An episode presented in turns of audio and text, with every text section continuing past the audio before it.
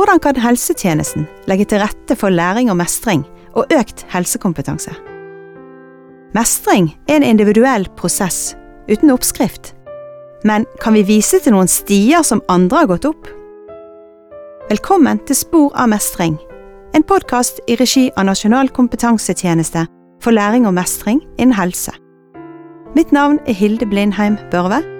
Jeg er spesialrådgiver og har i mange år jobbet med pedagogikk i en helsekontekst. Velkommen til deg, Gerd Kvale. Du er bergenser, psykologspesialist, professor ved UB, Universitetet i Bergen, og viden kjent for konsentrert behandling av et bredt spekter av ulike lidelser. Og sammen med Bjarne Hansen så har dere utviklet og blitt kjent for The Bergen Four Day Treatment, eller denne Bergensmodellen med fire dagers konsentrert behandling. Kan du gi oss en kortversjon, Gerd, og si litt om deg selv? Ja, først tusen takk for at jeg fikk lov til å komme. Eh, Temaet som vi skal snakke om i dag, er jo sånn som jeg brenner for. Eh, og det blir, er veldig kjekt å få lov til å bruke tid her sammen med deg, og forsøke å formidle noe av den erfaringen og, som jeg har gjennom mange år etter hvert. Ja, hvis jeg skal si litt om meg sjøl, så vil jeg først si at jeg er utrolig heldig. Jeg har vært heldig i yrkesvalg, fordi at jeg har hatt en utdannelse i psykologi, som i bunnen, og tenker at jeg forvalter en kunnskap som er viktig for folk. Ofte så sier folk til meg at eller har sagt opp igjennom at, at orker du å holde på med så mye elendighet, altså? Med folk som sliter så mye. Og det må jeg si at det er en slags oppfatning av meg sjøl som jeg ikke kjenner meg igjen i det hele tatt i. Jeg eh, jobber i endringsbransjen. Hele tiden så jobber jeg med å se at folk som har stoppet opp på en eller annen måte i livet, det er et eller annet som de tenker at jeg skal ha noe kompetanse til å hjelpe dem med, som gjør at de, at de søker hjelp. Og da tenker jeg at den kompetansen som jeg har, skal ha, den må jeg forvalte på en måte som gjør at folk klarer å komme videre. Eh, komme tilbake til de livene som de vil ha. Eh, og så må jeg sjekke om det virker, det som jeg gjør. Jeg, måte, jeg, jeg må ikke bare ha en god intensjon. Folk skal ikke bare synes det er kjekt eller på en måte ålreit å ha hatt gode samtaler, men formålet er å komme tilbake i hverdagen.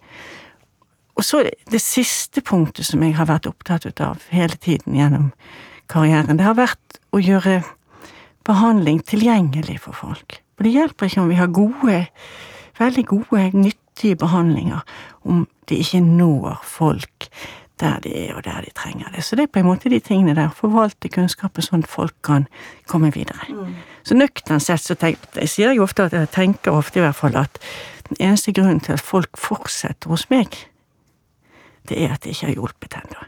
I det øyeblikket på en måte de har fått den hjelpen som gjør at de kan gå tilbake til hverdagen sin, så går de tilbake til hverdagen. Og leve det livet de ønsker. Leve det livet som de ønsker. Så jeg, det er på en måte min oppgave. Mm. Du og Bjarne Hansen, din kollega, dere ble i 2019, hvis jeg husker rett? I 18. I 18 plukket ut av The Time Magazine prestisjetungt magasin med liste over 50 personer som gjør mest for å bedre verdens helsetjenester. Du verden. Dere har gjort norsk psykiatri til eksportvare, kan man nesten si. Kanskje det er feil ord å bruke, Gerd, jeg vet ikke om du reagerer på det, men hvilke konsekvenser har dette gitt for alle de menneskene som har fått denne behandlingen? Eh, først har jeg lyst til å si at jeg er kjempestolt og glad for, for den eh, listingen, eller på en måte ut, jeg vet ikke hva man skal kalle for det, det er jo på en måte en slags uformell anerkjennelse. Men det som ligger i bunnen for den anerkjennelsen, er jo det at eh, vi har fått lov til å utvikle noe som virkelig kommer til nytte, og som vi har dokumentert kan komme til nytte. Og det som denne Bergens firedagersbehandlingen, som det ble kalt for, da, eh, ble mest Eh, kjent for, eller fikk anerkjennelse for, det var arbeidet med tvangslidelser, eller obsessive compulsive disorder. Det var, var det vi hadde jobbet med. Forkortet som OCD? Ja. ja. Så bakgrunnen min for å bli interessert i, i, i tvangslidelse, eller å gjøre ting med det, var at jeg ønsket å etablere et, et team i Helse Bergen som skulle levere kunnskapsbasert behandling. Gjøre det konsentrert, sjekke om det virket, og kombinere det med basalforskning. Så det var utgangspunktet i 2011, og så eh, jeg fikk jeg nyss om at Bjarne Hansen, som jeg ikke kjente da, han jobbet i Trondheim, og så spurte jeg om han kunne tenke seg å flytte til Bergen og komme. Han var gift med fra Bergen, så det var ikke så vanskelig å få til. Eh, så da kom han, og så begynte vi å jobbe sammen med dette. Så det var litt av bakgrunnen for det. Og før, og grunnen til at jeg var interessert i dette, var som jeg sa, altså, jeg har jobbet hele, li, hele yrkeskarrieren min har jeg jobbet med å forsøke å gjøre behandlingen konsentrert. Verken for mye eller for lite. Ikke for mye, ikke for lite. Akkurat treffe det punktet. Så før OCD-behandlingen så hadde jeg da jobbet med spesifikke fobier, eh, som var eh, prinsipielt sett sambehandlingen. Altså på en måte det er det du gjør, som er på en måte avgjørende, ikke hvilke følelser og tanker du har. Eh, og da klarte vi å få eh, jobbet med en, en, en tilnærming der vi kunne gjennomføre på tre timer på én sesjon, da det som en ellers ville bruke uker og måneder på å få til. Og så hadde jeg jobbet med, med kronisk fatigue sammen med en annen kollega som er svært dyktig, Bjarte Stubhaug. Så da hadde jeg jobbet med fire dagers behandling for kronisk fatigue. Og publisert på det hele veien. Kombinert med forskning og publisert ut i verden. Så det var på en måte, når vi gikk i gang med OCD-behandling, eller jeg startet med det i Bergen da, så føyde det seg inn i en, en rekke på en måte av sånn som jeg har vært opptatt av og brent for å få til. Nå vil jeg dra det litt videre, Gerd. I 2018 eller 2019, jeg er litt usikker på akkurat når, så ble du spurt om du kunne tenke deg å videreføre de gode behandlingsresultatene du nå har snakket om, til somatikken. Var det Steinar Kvinsland som spurte deg den gang? Ja, stemmer. Og, og han var tilknyttet Helse i Hardanger, en annerledes rehabiliteringsinstitusjon som var blitt etablert i vakre Øystese i Hardanger. Og hva er det som skjer i Helse i Hardanger? Kan du kort beskrive hva de står for? Kan du fortelle oss litt, Gerd? Gjerne. Gjerne. Dette er ting som er viktig, tenker jeg, for helsevesenet. Ja, det stemmer. Steinar Kvinsland eh, kom til meg i 2019, tenker jeg det var, og da var, fantes ikke Helse i Hardanger. Det fantes bare et blankt ark. Og så kommer han til meg, og så sier han det at Gerd, vi kan ikke Helsevesenet sånn som det er i dag, det kommer ikke til å overleve hvis ikke vi klarer å utvikle bedre, mer nyttige, kostnadseffektive behandlinger for folk med kroniske helseplager. Og det er liksom det, det er en realitet som er virkelig. Det er ikke liksom bare noen slags på en måte konspirasjonsteorier, han sa ikke det, men det, er, det, det er helt reelt. Vi må gjøre noen ting. Og tror du at det du har jobbet med, spurte han meg, kan ha noen relevans her? Eh, for når vi skal gå i gang med dette. Så fortalte han da at han hadde tanker om å etablere en rehabiliteringsinstitusjon i Øystese, eh, som skulle ha som formål å utvikle den type helsetjenester. Og jeg tenkte jo at dette selvsagt, altså Det her var jo helt hånd i hanske med, med, med, det som jeg virkelig ønsket å, ønsket å, jobbe med. Og da følte jeg på en måte at da hadde jeg etablert dette forskningssenteret på hjerneforskning, og jeg hadde gjort mye som var på en måte Det var i Jeg hadde, var over i en driftsfase. Mm. Ja. Så jeg tenkte at dette kan jeg med, med trygghet overlate til andre, eh, og gå videre. Eh, og fikk lov til å være med helt fra starten i det som ble Helse Hardanger, og det som ble Push-prosjektet. Eh, og utgangspunktet er igjen akkurat det samme. Vi ønsker at folk som da har en kronisk helseplage, tenker vi at målsetningen skal være å øke folks funksjonsnivå. Hjelpe de tilbake til en hverdag så godt som de kan. Eh, der de kan gjøre noen ting. Det er ikke alle ting du kan gjøre noen ting med, men det er alltid noe. Så det ene det er å øke folks funksjonsnivå. Eh, gjøre det sånn at der det er relevant, så de, bruker de hestetjenestene mindre. Og kanskje også der det er relevant, mindre, bruker mindre medisinering, hvis det, det skulle være relevant. Så da hadde vi helt blanke ark, og så sa vi hvilke lidelser skal vi begynne med? Og, og da bestemte vi det på en måte ut ifra det som er de største helseutfordringene. Så da ble det i utgangspunktet folk med kroniske ryggplager. Eh, minimum tre måneder sykemeldt i utgangspunktet siste året. Eh, det ble folk med diabetes 2. Eh, det ble kols, folk med kronisk obstruktiv lungelidelse. Så var det unge, relativt unge, som hadde sammensatte helseproblemer, sammensatte lidelser, men der depresjon og angst var en vesentlig del, og der det var veldig uttalt målsetning å komme tilbake til til yrkesdeltakelse. Um, og så kom jo pandemien, når vi hadde startet, og begynte å bygge opp dette. Eh, og da kunne vi ikke ta inn pasienter med kols. Og da sa vi, etter da pandemien hadde vært vart tre kvart år eller et år, så begynte man å se konturen ut av de som kom da med long covid. Eh, eller med senvirkninger etter eh, senplager etter, etter covid-19-pandemien. Så da rettet vi oss inn mot det.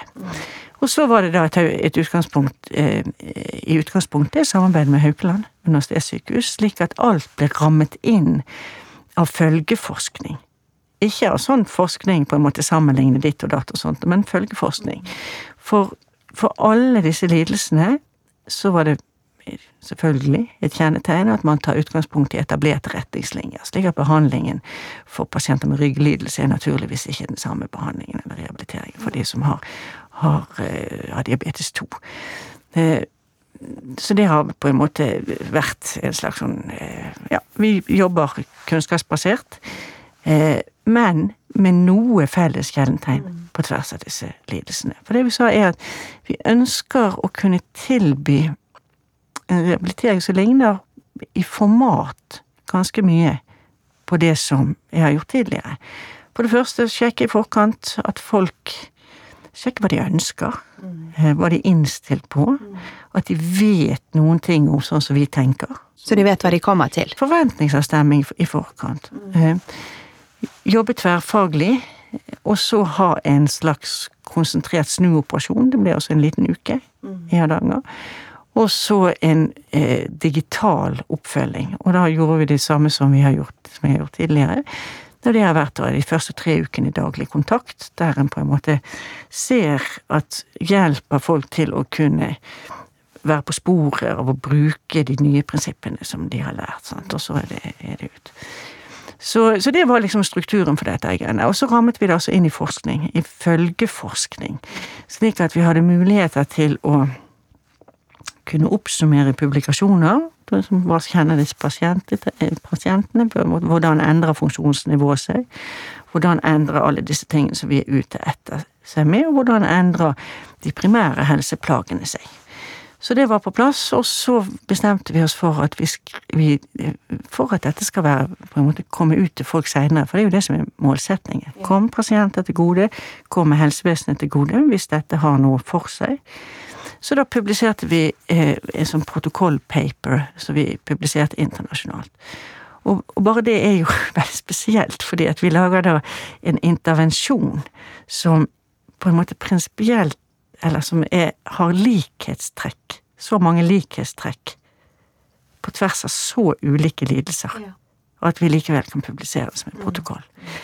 Så det er liksom rammene rundt dette her greiene her. Så det at nå har vi, har vi hatt uh, Innen rammen av dette bussprosjektet så har det da vært eh, ja, overkant av 400 pasienter eh, som har fått behandling. Eh, og resultatene er jo fantastisk.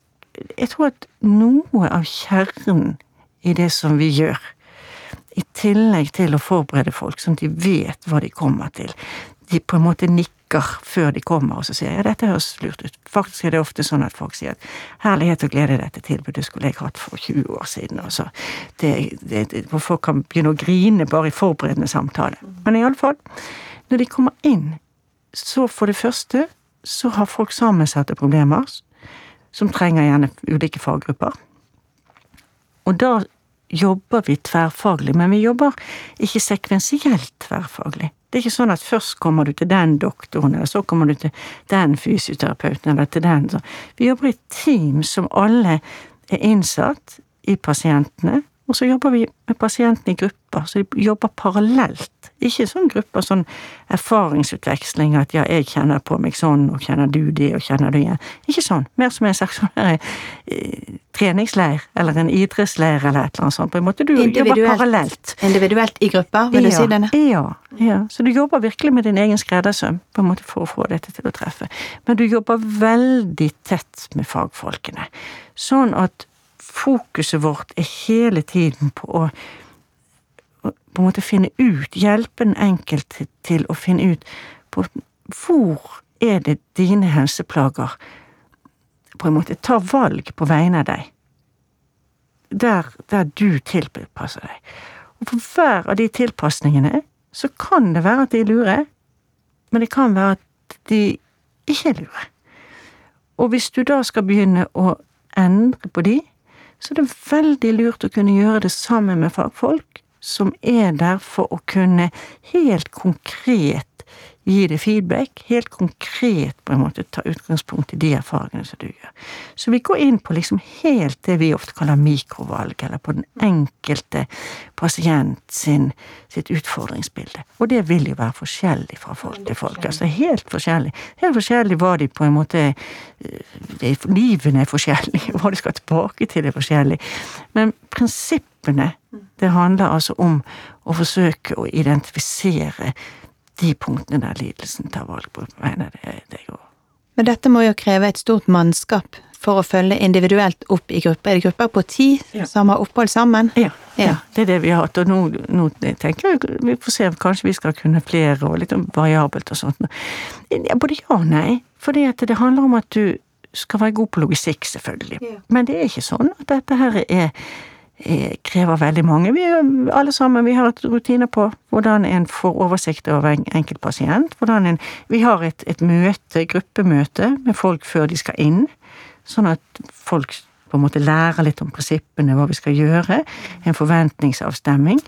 Og hvis de på det tidspunktet tenker at nei, dette er ikke noe for meg, så ser vi at nei, det er helt greit, det er heller vent da, til det er noe for deg. Fordi at at ingen behandling på en måte hjelper, hjelper hvis du ikke tar den. Altså, det, det, er jo på en måte en, Jeg pleier ofte å spørre folk hva er den viktigste grunnen til at en behandling ikke hjelper. Og Da sier folk ofte at de må være motivert og egeninnsats. Og sier den aller viktigste grunnen til at en behandling ikke hjelper, det er hvis du ikke tar den. Og denne behandlingen hjelper heller ikke hvis du ikke tar den. Og den hjelper heller ikke hvis du, ikke, hvis du tar den med lygekryss. For noe av det vi gjør, er å gjøre det systematisk, og være der når folk går gjennom endringsprosessen sin. Så folk som takker nei, de er ikke umotivert, men de er ikke klar. Og de får et tilbud om å komme tilbake. Det er bedre det. Ja, eller det ligger ikke til rette i livet. Hvis du akkurat går gjennom et samlivsbrudd, eller du skal ha eksamen, eller at du skal ha sånn, så er det kanskje noen som tar fokuset ditt akkurat der og da. Eh, for jeg har også lyst til å si det at jeg har, sant, jeg har ennå til gode å si at, folk er takknemlige for at jeg gir dem sånne basale helseopplysninger, det vet folk. Mm. Men jeg har ennå også til gode å treffe en pasient som jeg, som jeg må se i øynene og si at vet du hva, du har vært igjennom så mye fælt og så mye ille, og, det, og det, det, liksom, livet ditt er helt rasert, så deg tror jeg faktisk ikke vi kan hjelpe.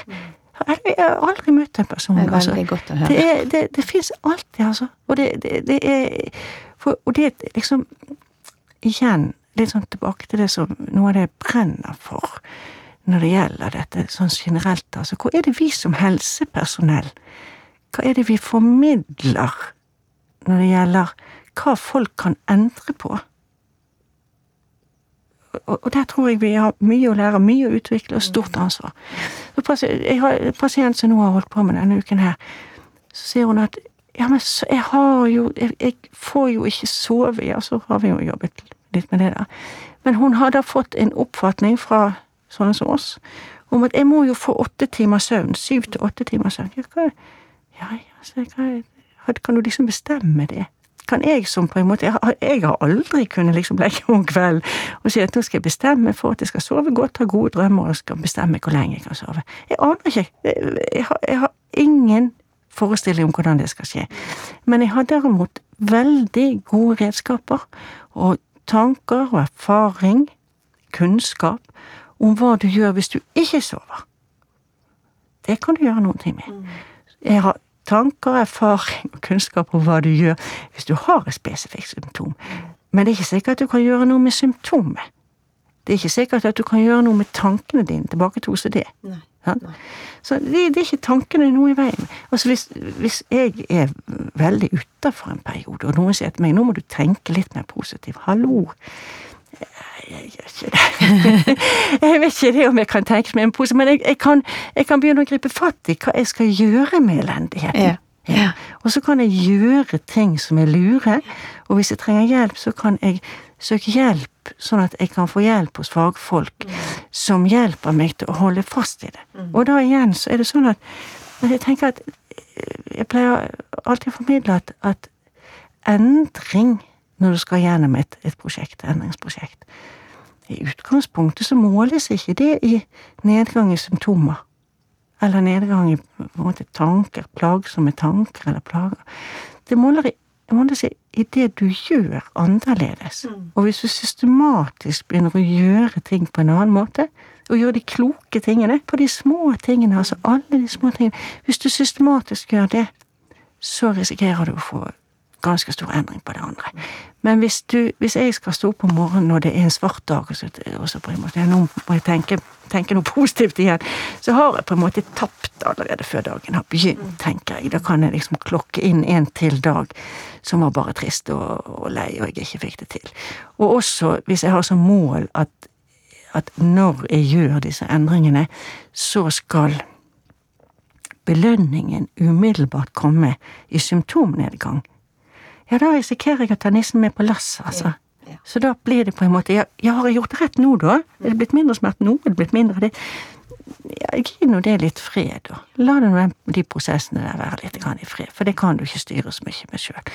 Du kan styre med det du velger å gjøre når du møter disse tingene. Så det er, hvis jeg skal si noe som er et slags felles konsept på tvers av disse tingene, så er det, er det jo det, altså. Og da, og da, vil det være igjen helt forskjellig, avhengig av hvilke helseplager av hvilken person du har fremfor deg, hvilke ønsker, mål, hvordan livet ser ut, og Så, videre. så det blir veldig individuell skreddersøm, men med konsentrert på den måten at du jobber deg gjennom disse dagene og bruker hver eneste mulighet til å ta stilling til når du da ser at her har helseplagen, eller tar valg på vegne av meg. Ja, ja. Jeg, og det kan noen ganger kan det være lurt å fortsette sånn, andre ganger kan det være veldig ulurt. Eh, så vi går gjennom på en måte hvordan du tar, hva du gjør med det. Det er det som er. Men jeg har lyst til å gå litt tilbake igjen det du sa i forhold til grupper. De er i grupper på ti, det er individuell skreddersøm for de enkeltpersonene i gruppen på ti. De oppholder seg, de bor på hotellet i Øystese. Jeg ser for meg jeg skal være fire dager i Øystese i en gruppe på ti. Og du sier dere jobber lite i grupper, dere jobber med individet. Eh, døgnet har jo litt flere timer enn behandlingstiden. Eh, er det sånn at dere oppfordrer til å isolere seg og jobbe med sitt prosjekt, eller ser du at gruppen har glede av hverandres erfaringsdeling, eller er det noe dere ikke legger vekt på? Nei, vi bruker gruppen i aller høyeste grad, eh, og du jobber med, sammen med gruppen hele dagen, men likevel individuelt. Så vi er en blanding ut av, av temaer relevante ja, undervisning, pasientundervisning, ja, i små bolker. Yeah. Og så er folk ute da og tester ut ulike ting. Prøver. Ulike, igjen ut ifra sin, sine behov og sitt liv. Og så kommer man tilbake til gruppen, og så rapporterer man litt om hvilke erfaringer man har hatt når man da skal finne muligheter til å bryte mønstre, ta disse mikrovalgene, og man, hvordan man har, hvilke erfaringer man har gjort, om man klarer å identifisere, og om man velger å bryte, og hva man har gjort. Men- og det går hele dagen. Deler dere i grupper erfaringene? Er det sånn? For vi, innenfor lærings- og mestringsfeltet så er vi opptatt av erfaringsdeling. Og veldig mange opplever at det er en veldig viktig del av forløpet, det å høre andres erfaringer. Legger dere vekt på det? Ja, det er klart vi deler erfaringer. Det er kjempeviktig. Og ikke minst så er det, er det viktig på en måte for den enkelte å se hvordan andre jobber med sin endringsprosess. Så vi er veldig sånn Når det gjelder å dele erfaringer, så deler vi erfaringer med det vi gjør i løpet av dagen. Så det at når folk har vært ute, jobbet med sine ting, hva det måtte være, så tar vi ofte det vi kaller en runde. Tar vi runden. Vi kommer inn igjen, og det er ledet av gruppeleder. Det er som oftest to stykker som er hovedpersoner som leder gruppen, og så har vi inne da folk med ulike kompetanser, fagfolk med ulike kompetanser. Alt avhengig av på en måte hva er sammensetningen i gruppene. Ja, og da tar vi runden, og så spør vi på en måte ja, hva har du gjort da? Hva valgte du? Hva fant du for noen ting? sant? Og hvor godt klarte du å gjenkjenne, på en måte finne, hvor enkelt var det for deg å finne situasjoner der helseplagen tar, tar, har tatt valg, og, og, hva slags type justeringer valgte du å gjøre? Og Så hvis, dette tar dere i plenum? Dette tar vi i plenum, og det er ikke noe sånn ja ja, dette tar vi helt sånn metro effect i, i plenum. Så, så det, det, deler vi, og da har vi fokus, da spør vi på en måte ikke Altså, da blir symptomer, plager, ubehag, hva det måtte være for noen ting det blir på sett og vis gull. Det blir råmateriale for endring. Ja. Det er det du må ha, på en måte. Det hjelper jo ikke å endre et mønster hvis du ikke har plagen der og da. Så vi på en måte er opptatt av at den skal være der, sånn at den kan bryte. Mm. Eh, og så deler vi det gjennom hele, og så på en måte gir folk eh, karakter på seg sjøl. Hvor god var jeg på å få dette til? Ja. Ja, og, så, eh, og da er vi jo, hvis folk på en måte, hvis vi ser på ternekast, ternekast Hvis de gir seg mindre enn seks, så spør vi på en måte hva trekker du for? Hva er det som gjør at du ikke gir det sjøl tekt? Og hvis de da kommer over For da kan det være lett for folk å si at ja, men jeg sant? Og så begynner man å gå over i symptomene og plagene, og begynner å måle det opp mot det. Så det er veldig sånn kjempegod læringsarena for at en begynner å gjøre det uhåndterlige håndterbart, og at en kan se at det er så ulike ting en kan gripe fatt i. Og det som skjer i løpet av sånne fire dager, det er jo det er helt fantastiske endringer, altså. Det du ser, du kan nesten ha bilde av folk når de kommer inn, og så tar du bilde av de når de reiser igjen, for da har de altså forandret både holdning og ansiktsuttrykk og alt det er ofte Altså folk sier jo sånne ting som at dette har jo vært noen av de viktigste, fire viktigste dagene i livet mitt, kanskje. Eller fem eller tre, alt avhengig av vi har litt sånn forskjellig. Og så har vi, jobber vi frem med de sånn i det gruppekonseptet frem til ja, firetidene og sånt nå. Og da har de hver og en lagt planer for ettermiddag om kvelden hvordan de skal videreføre det å hele tiden jobbe med disse mikrovalgene, identifisere, bryte mønstre, gjøre noe annet. Gjøre noe Og på en måte de valgene vi oppfordrer til, det er jo valg som da vil kunne øke funksjonsnivået. Eller vi oppfordrer folk til, veldig også på, hva er det du har måttet velge vekk i livet ditt på grunn av dette? Hva er det du unngår å gjøre? Se om du kan gjøre noen sånne ting. Vi er opptatt av verdivalg. på en måte Når vi lever med en kronisk helseplage, så er det jo sjelden at vi er den beste utgaven av oss sjøl. Altså, vi, vi, skjermer oss kanskje, vi, vi, føler at vi ikke har kapasitet, ork, til å på en måte ta disse telefonene, rekke ut, ja, etablere nettverket. Litt sånn løft blikket, altså, på en måte tilbake til det.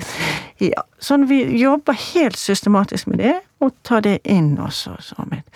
Og når vi jobber inne i Øystese, du sa det vel du også, på en måte og det er så vakkert. Folk sier 'Å, Hardanger og fjord og fjell' og alt det. Og da er jo min kommentar som oftest det at ja, ja, vel, vel. Jeg har nå vært i Hardanger både november og desember og januar og ser disse triste liene og bratte fjellveggene og frukthagene som ser jo helt sånn døde ut og svart og grå, og det er ikke, det er ikke mye med det.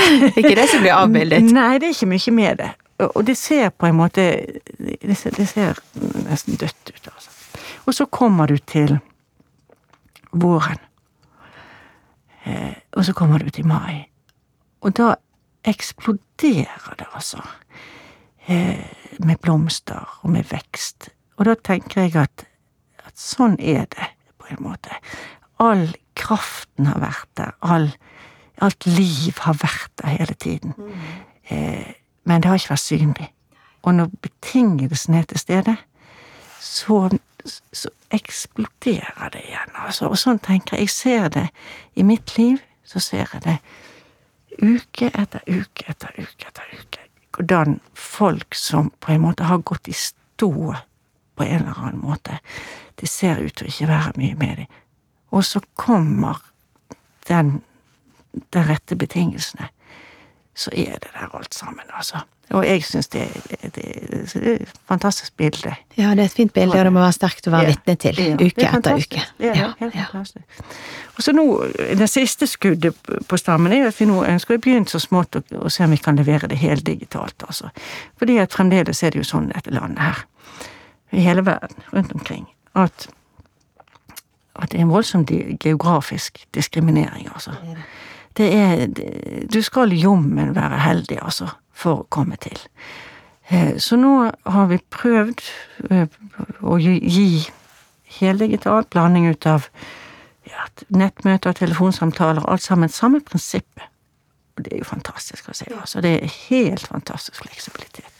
Så nå får vi se hva vi klarer å få til basert på det. Altså, jeg ønsker jo Jeg har levd hele mitt liv med å være opptatt av å få offentlig finansiering.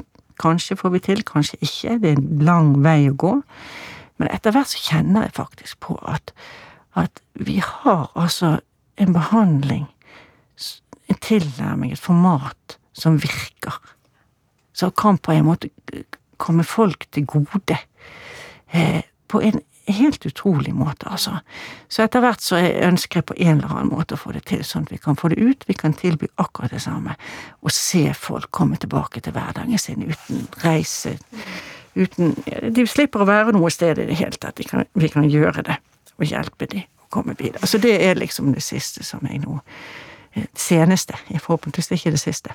For Helse Hardanger, eh, hvis du går inn på deres nettside, så står det jo nettopp den overskriften 'Det skal virke, og det skal vare'. Det er det som er slagordet, og du gjentar mange ganger. Ja, det det. Og hvis det kan nå ut til enda flere eh, i alle kroker av landet, eh, som et tilbud til alle, så er det fantastisk. Hvis det, Det- kunne skje. Det er det, det. Altså, Og det ligger jo veldig til rette for det i 2023. Ja, jeg tenker at det, det gjør det nå. Altså nå det, jeg har veldig tro på at Helse Hardanger vil kunne bli leverandør av offentlige helsetjenester. At det vil kunne skje. Og nå står det mange institusjoner på, på listen over de som vil ha opplæring i dette. Utlandet begynner å, å komme med forespørsler. De ønsker å få opplæring. Eh, Så vi er klar, tenker jeg. Ja. Vi er Når du sier opplæring, Gerd, tenker du opplæring sånn at mannskap blir styrket? Eh, hvordan man jobber på denne metoden? Ja, altså jeg tenker at eh, Altså, vi har jo hatt tidligere når jeg jobbet med tvangslidelse primært, så har vi jo lært opp eh, Altså, det er jo mer enn 40 team i landet som er lært opp til å jobbe på denne måten her. Spredd til utlandet. Prinsipielt sett kan vi gjøre akkurat det samme på dette. Men da, da ønsker vi å lære opp, ikke enkeltpersoner, men vi ønsker å lære opp institusjoner eller på en måte leverandører av helsetjenester som har tenkt å ta det i bruk. Fordi at det, å liksom skolere eller kurse den enkelte, det er ikke sånn det foregår. Nei, altså. nei. Nei. Men hva fagbakgrunn må man ha for å kunne jobbe på denne måten? Vi har jo klart å lære folk opp noe. altså Tverrfaglighet er jo en tommelfingerregel, altså. Så, eh, så innen rammen av Helse Hardanger så har vi jo hatt eh, Altså, det er interessant fordi at folk beholder sin faglige identitet i aller høyeste grad, så la meg si det først. Eh, og så har vi jo da hatt Vi jobber sammen, eh, ja, legespesialister. Ulike, ulike varianter lungelege, fysikalsk medisiner, eh, allmennlege, endokrinolog, indremedisiner. medisiner. Farmasøyt har dere også med dere, vet jeg. Vi har næringsfysiolog, vi har sykepleiere av ulike spesialiteter, vi har fysioterapeuter av ulike spesialiteter. Eh, Så ulike brøkstillinger, noen i hovedet og noen i brøker og sånt. Så det at, og felles for de er jo at alle Altså folk, Fagfolkene syns jo det er så fantastisk å jobbe på denne måten. Fordi at du ser jo at Du ser jo at du får det til Altså at folk kan ta i bruk det du lærer dem. Og vi sjekker jo sant, Vi sjekker systematisk med sånn forskningsmessig eller følgeforskning. Vi er Men etterpå, etter tre måneder, har vi gjort det etter seks måneder, ett år. Innenfor rammen av dette prosjektet. Så vi har jo veldig dokumentasjon å få publisert, og fagfolkene blir selvsagt entusiastiske, altså. De, de syns det er utrolig. Og det morsomme er jo også at de syns det er Det gir energi, altså. Noe av det første i møte med pasienter med kroniske lidelser, tenker jeg, det er å installere håp, altså. Ja. Fordi at min erfaring er at når folk sier at de ikke er motivert, så tenker jeg ja, men kjære deg, altså. Her har de gått og fått hjelp som ikke har hjulpet, og de har forsøkt etter beste evne å tenke positiv og være hyggelig og hva det måtte være for noen ting. og så har de ikke fått noen endring i hverdagen. Så hvorfor i all verden skulle de komme til oss, eller til meg, og så tenke at eh, at det, at det er noe annerledes. Så min første oppgave er jo å installere et realistisk håp basert på det vi allerede har, har, oppnådd. Og nå tenker jeg etter hvert at jeg kan si med ganske god trygghet det som jeg sa, at det er grunn til håp. Altså. Mm. Jeg pleier alltid å si det når jeg går i gang med nye ting, at jeg kan være veldig trygg på meg. For det at jeg kommer, altså Når jeg setter i gang ting, så sjekker jeg om det virker. Og hvis det ikke virker, så skal jeg kommer jeg ikke til å fortsette med det. Nei. Da går jeg videre til noe annet. Jeg kommer ikke til å fortsette resten av livet mitt med ting som ikke er virksomme. Det er liksom det viktigste for meg. Mm. Ja, jeg sitter her og tenker, Gerd. Eh, er det en spesiell gruppe mennesker eh, du har opplevd har størst nytte av dette tilbudet? Eller er det en spesiell menneskegruppe som blir henvist til dere? Og da tenker jeg, er det mer kvinner enn menn? Er det kvinner i 50-årene? Hva med ungdom? Hvor går grensen? Det er kjempespennende at du spør om det, fordi for det første når det gjelder kjønnsforskjeller, så er det Hvis det er noen kjønnsforskjeller, så vil jeg si at, at denne måten å jobbe på eh, kanskje appellerer mer til menn enn andre måter å jobbe på, så vi har en jevnere kjønnsbalanse. Eh, for det er et eller annet med at det er så håndgripelig. Eh, vi fokuserer på det du kan gjøre. Det, det er en gjøre det er gjørebehandling, og det, er, det ligger innenfor rekkevidde å gjøre dette her greiene her. Eh, vi ser også, og har en dokumentasjon på, at kanskje er det slik at de som er aller mest rammet av et eller annet, som vi ser de aller største endringene på. Og det er kanskje litt sånn stikk i strid med det folk tenker. De tenker kanskje at nei, det er, så du så så hardt rammet, så, så det, hjelper det ikke. Eh, men det er indikasjonen er det motsatte. Det har vi sett innenfor OCD, vi ser det innenfor angstlidelser, vi ser det innenfor blandet angst og depresjon, og vi ser det ikke minst på long covid, eller på, på, og på fatigue-problematikk. Og kanskje handler det noe om at for de som er hårdest rammet, så gjennomsyrer helseproblemene så mange deler av livet at når du først begynner å endre på måten som du håndterer dette på, så blir det så gjennomgående, så gjennomgripende endring. Så du har veldig mye å få tilbake. Eh, så har vi, når vi har jobbet med, med eh, OCD, så har vi jobbet med barn og unge også. Ned til eh, ja, 11-12-årsalderen eller noe sånt der, og hatt doktorarbeid på det. Akkurat like gode effekter, og da jobber vi også sammen med foreldrene og lærer de opp også til hvordan du skal håndtere dette. Så, så det, er, det, er, på en måte veldig befriende, tror jeg, for mange folk å få lov til å jobbe på denne her måten her. Mm. Før vi forlater denne her eh, tilnærmingen, eh, kanskje vi har snakket litt lite om den oppfølging etter de konsentrerte dagene, for det skjer en oppfølging og den skjer delvis digitalt. Kan du si litt om det, Ågerd? Ja, det var flott du sa. Det, altså Når du har på en måte vært igjennom den konsentrerte intervensjonen eller behandlingen, som da er typisk på litt mindre enn en uke, så er du over i den fasen der du skal helt integrert i ditt eget hverdagsliv bruke de nye prinsippene. Så da er vi i kontakt med folk daglig, eh, med et enkelt spørsmål. Par enkle spørsmål, hvordan de gjør dette her greiene her. Og typisk så eh, har de Så klarer de det uten at de får noe tilbakemelding fra oss i den perioden her, men vi følger de. Og så har vi en telefonsamtale med de etter en ukes tid for å høre om det er noen spesielle utfordringer, og at de er på sporet. Så det er på en måte det som er, er oppfølgingen. Og så har vi etter hvert i Helse Hardanger så vil de også kunne, der det er viktig med fysisk trening, tilby digitalt eh, trening, rett og slett, altså over nettet, så vi kan gjøre sånne ting.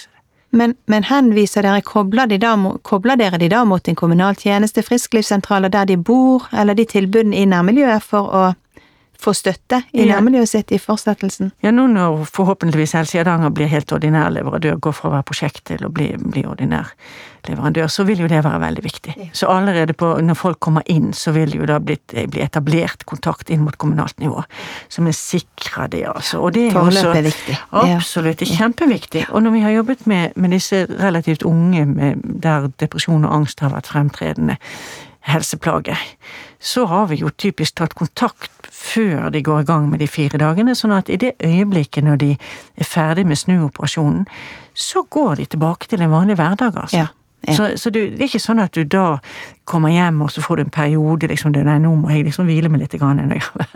Du skal rett inn, det skal ikke være noe glipe mellom det. Og så skal du i gang med det som ligger innenfor ditt eh, Det som er, som er mulig for deg. Ja. Så vi legger veldig vekt på det. Ja, nå har jeg i hvert fall dannet meg et bilde av tilbudet dere har i Helse i Hardanger, med bakgrunn i OCD, som du startet eh, å snakke om, Gerd. Før vi eh, går fra hverandre, så må jeg knytte dette litt opp mot lærings- og mestringsfeltet i helse- og omsorgstjenesten. Kommunenes frisklivssentraler og sykehusene sine lærings- og mestringssentre de tilbyr pasienter, brukere og pårørende hjelp i form av veiledning, opplæring til både endrings- og mestringsprosesser. Hvordan kan vi jobbe enda mer kunnskapsbasert, og vi jobber på en måte som både virker og varer for den enkelte? Det er et stort spørsmål. Kan du oppsummere det, egentlig det jeg ber deg om, Gerd? Kan du oppsummere, gi oss litt håp og tanker om hvordan vi kan klare å løse dette ut fremover? Ja, jeg tror vi kan klare å løse det på veldig mange måter. Og jeg tror det vi skal igjen sjekke om de intervensjonene som vi holder på med, virker. Det er kanskje det aller viktigste. Vi skal ikke fortsette med ting som ikke har noe for seg. Og så tror jeg at vi skal virkelig ta inn over oss at dette med geografisk diskriminering Altså vi skal på en måte sørge for å lage tilbud som når folk der de bor, og der vi slipper å ta de inn til institusjoner. Men jeg tror dette kan gjennomsyre både det offentlige og at jeg, jeg tror, har stor tro på forandringer fremover. Vi må gå mot en avrunding, Gerd. Jeg sitter her og lytter til alt det du har sagt, og jeg hører alt som virker, og jeg hører alt som varer. Og vi har et offentlig helsevesen i Norge som er ganske fantastisk. Vi er presset på personale, vi er presset på økonomi. Og jeg sitter og tenker, la oss ta det i bruk, la oss spre ut dette du forteller om, slik at flere mennesker kan ta sine liv tilbake. Tusen takk for at du kom, Gerd Kvale. Kjekt og nyttig å høre deg prate. Takk for at jeg fikk komme. På gjenhør til nye samtaler om spor av mestring.